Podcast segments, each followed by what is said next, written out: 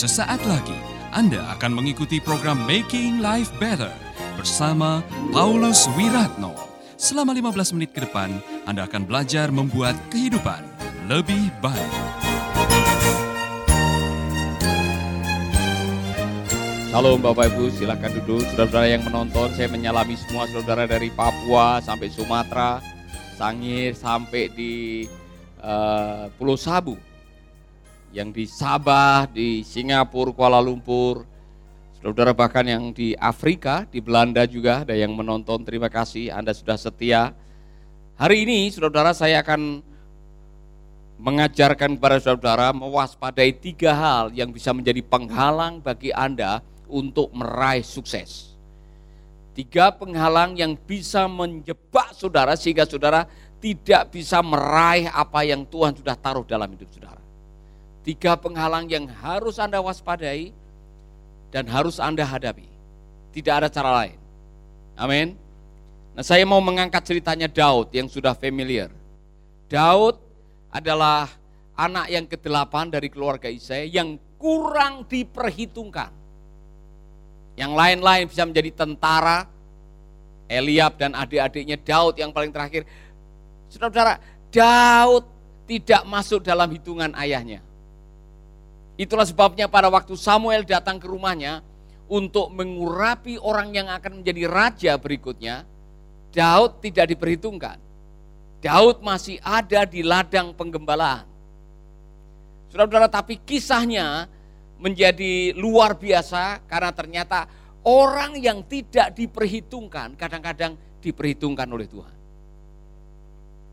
Saya mau kasih kabar sukacita bagi Anda semuanya. Di hadapan Tuhan, kita semua diperhitungkan oleh Tuhan.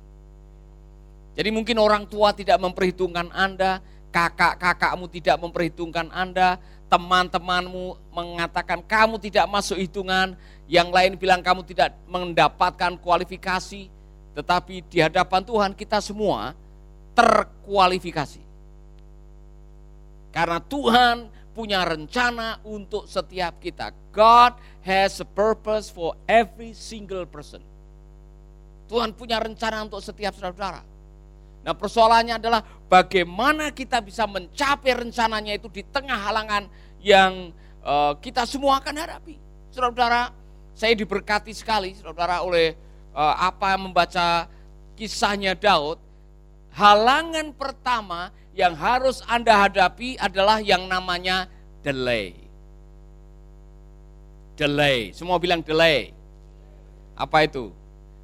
Ya, bukan ke delay, delay. Delay adalah penundaan. Saudara-saudara, mari kita akan baca dalam kitab 1 Samuel 16 ayat 13. Samuel mengambil tabung tanduk yang berisi minyak itu dan mengurapi Daud di tengah saudara-saudaranya. Sejak hari itu dan seterusnya, apa kalimat di situ? Berkuasalah roh Tuhan atas Daud. Lalu berangkatlah Samuel menuju ke Rama. Nah, saya mengharapkan ada ayat seperti ini. Setelah Samuel mengurapi Daud, sejak hari itu Daud langsung ke istana menjadi raja. Saya harapkan itu. Tapi ter, ternyata menurut prakteknya bertahun-tahun. Bahkan orang tuanya bilang kamu balik lagi ke ladang pengembalaan. Saudara-saudara, Daud seperti hanya diurapi kemudian formalitas saja. Padahal Tuhan sudah menyiapkan Daud untuk menjadi raja yang berikutnya.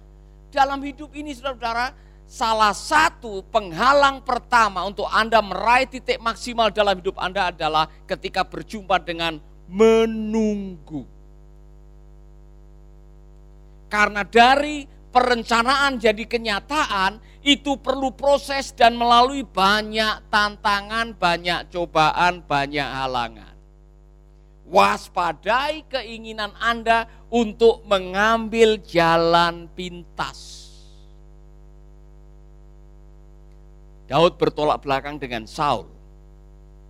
Saul dia mengambil jalan pintas, dia cepat-cepat pengen jadi raja dengan melakukan sesuatu yang bukan bagiannya. Itu bagiannya imam. Dia melakukan sendiri dan gara-gara dia tidak sabar, Tuhan melengsarkan dia. Tidak ada sukses yang sifatnya kilat dalam hidup ini. Bilang sama teman saudara, tidak ada sukses yang sifatnya kilat. Amin. Ucapkan dalam bahasa saudara. Bagaimana mengucapkannya? Ora ono sukses ujuk-ujuk. Ya.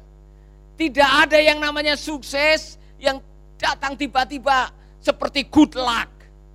Saudara pergi ke kuburan, ambil kelopak bunga e, Kamboja yang genap. Ambilnya tidak boleh dengan tangan, harus dengan mulut. Bawa pulang, kemudian saudara akan menjadi orang sukses, omong kosong. Sukses tidak ada yang kilat instan ujuk-ujuk. Semua bilang ujuk-ujuk. Wih, tiba-tiba sukses. Haleluya. Itu baru namanya good luck. Tiba-tiba saudara kaya karena dapat lotre.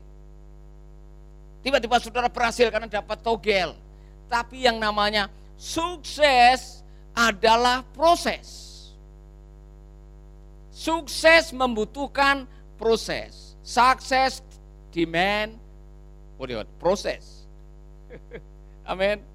Sekali lagi katakan kepada teman saudara, sukses menuntut proses.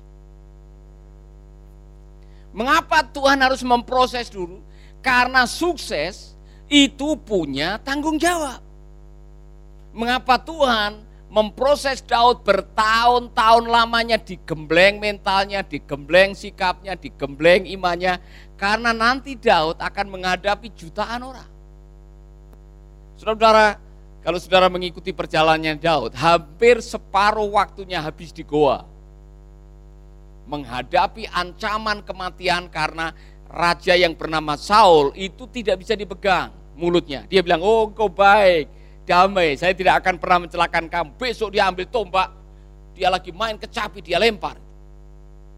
Saudara, dalam hidup ini, kalau saudara mendengar, Abi saya mengurapi kamu, kamu akan menjadi bupati di Timur Tengah Selatan. Kamu sudah diurapi. Apa yang kamu lakukan, Abi? Ya. Tuhan sudah mengurapi kamu, saya tunjuk kamu menjadi bupati di Timur Tengah Selatan. Ya kan? Tinggal di rumah jabatan, kau pikir, oh haleluya, saya akan pulang ke Soe, ya kan? tinggal di uh, rumah jabatan. Prosesnya ada begitu. Kamu harus masuk partai, ya kan? Kamu harus kampanye, kan begitu. Tidak segampang itu, saudara. Proses tetap ada. Itu proses yang dihadapi oleh Daud. Anda masih bersama Paulus Wiratno di Making Life Better.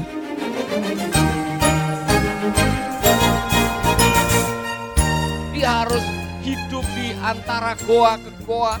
Dia harus hidup dalam kekurangan, pernah pura-pura gila Daud mengalami semuanya. Waktu di Ziklag dia mengalami proses di mana uh, tempat di mana dia tinggal, anak-anaknya diambil orang Amalek. Dia sudah harus berusaha untuk merebut kembali anak dan istrinya. Dalam situasi seperti itu, saudara-saudara, orang bisa mempertanyakan, nah apa artinya urapan? Mungkin Nabi Samuel bikin kesalahan. Saya yang diurapi, ini buktinya saya tinggal di goa. Jangan pernah mempertanyakan rencana Tuhan waktu Anda diizinkan menghadapi kesulitan. Ini pelajaran. Karena rencananya tidak bisa dihentikan oleh kesulitan, cobaan, masalah. Dengar baik-baik.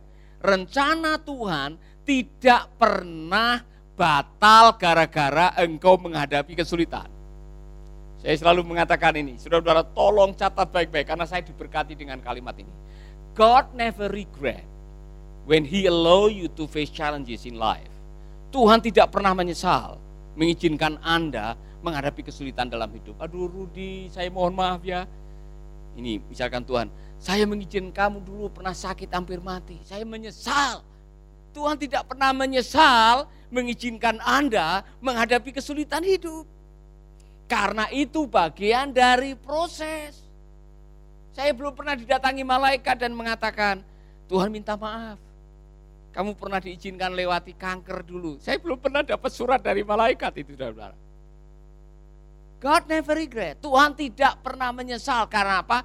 Di balik kesulitan, di balik tantangan, di balik persoalan, Tuhan sedang membentuk saudara. Tuhan sedang memproses saudara. Saya jadi merenung, wow. Ingat waktu di Ambon.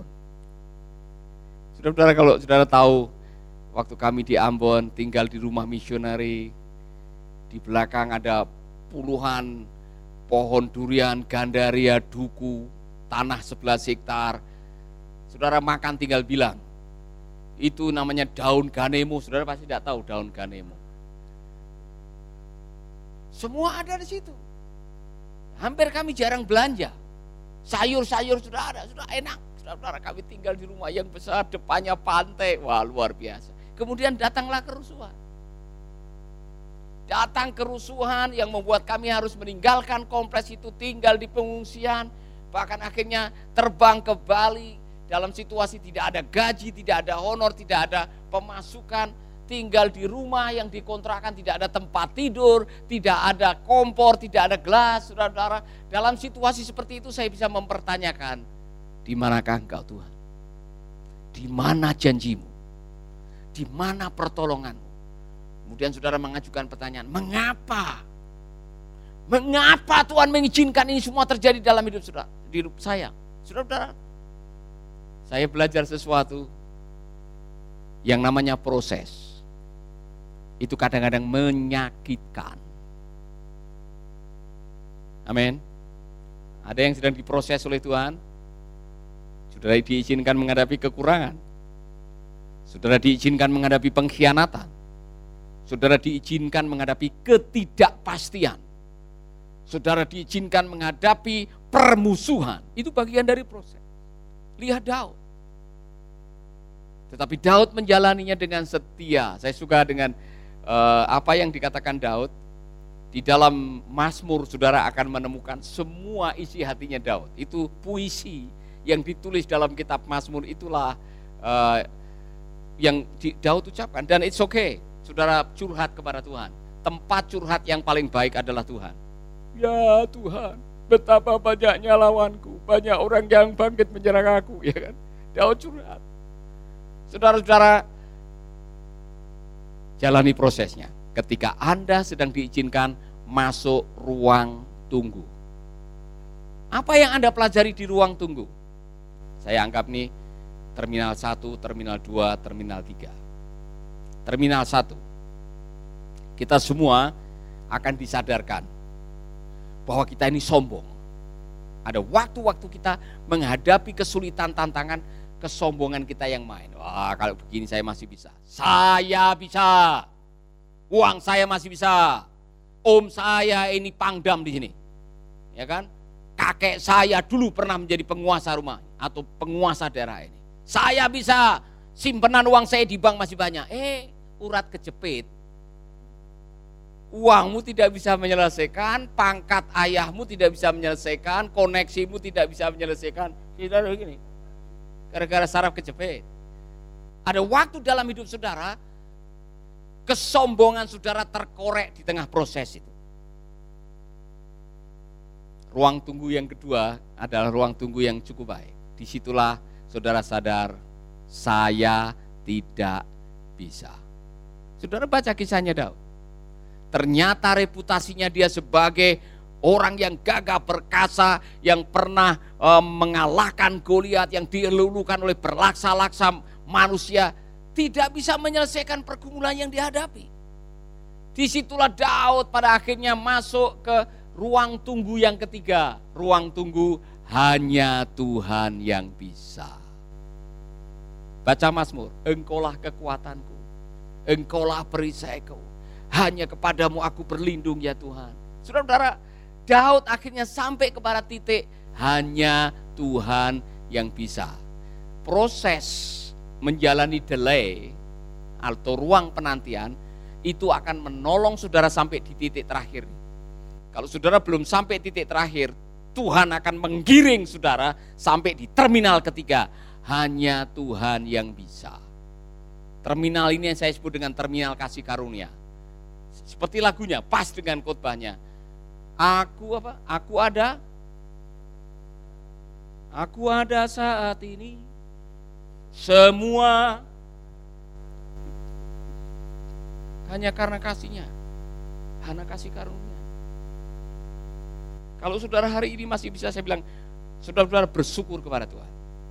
Kalau hari ini masih bisa makan, tiga kali masih ada orang-orang yang hari ini kelaparan. Kalau saudara masih bisa menikmati hidup, menikmati udara segar, tinggal di tempat beratap bersyukurlah. Banyak pengungsi yang sekarang ini sedang menghadapi kesulitan. Bersyukurlah kepada Tuhan. Amin. Penghala yang pertama apa namanya? Delay.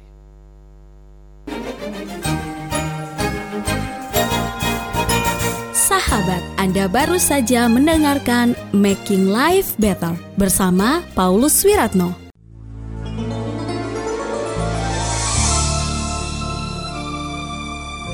Keluarga Gracia, biarlah firman Tuhan selalu menjadi pelita dalam hidup kita sepanjang tahun ini. Dengarkan selalu radio Suara Gracia di 95,9 FM, streaming di suaragratiafm.com/streaming atau dengan aplikasi Android Radio Suara Gratia yang tersedia di Play Store. Jika Anda diberkati oleh siaran suara Gracia FM dan mengalami kuasa mujizat Tuhan, mari menjadi berkat dengan mengirimkan kesaksian ke WhatsApp Radio Suara Gracia FM di 0817 222959. Biarlah melalui kesaksian Anda, banyak jiwa dikuatkan dan dibangkitkan kembali imannya. Tuhan memberkati.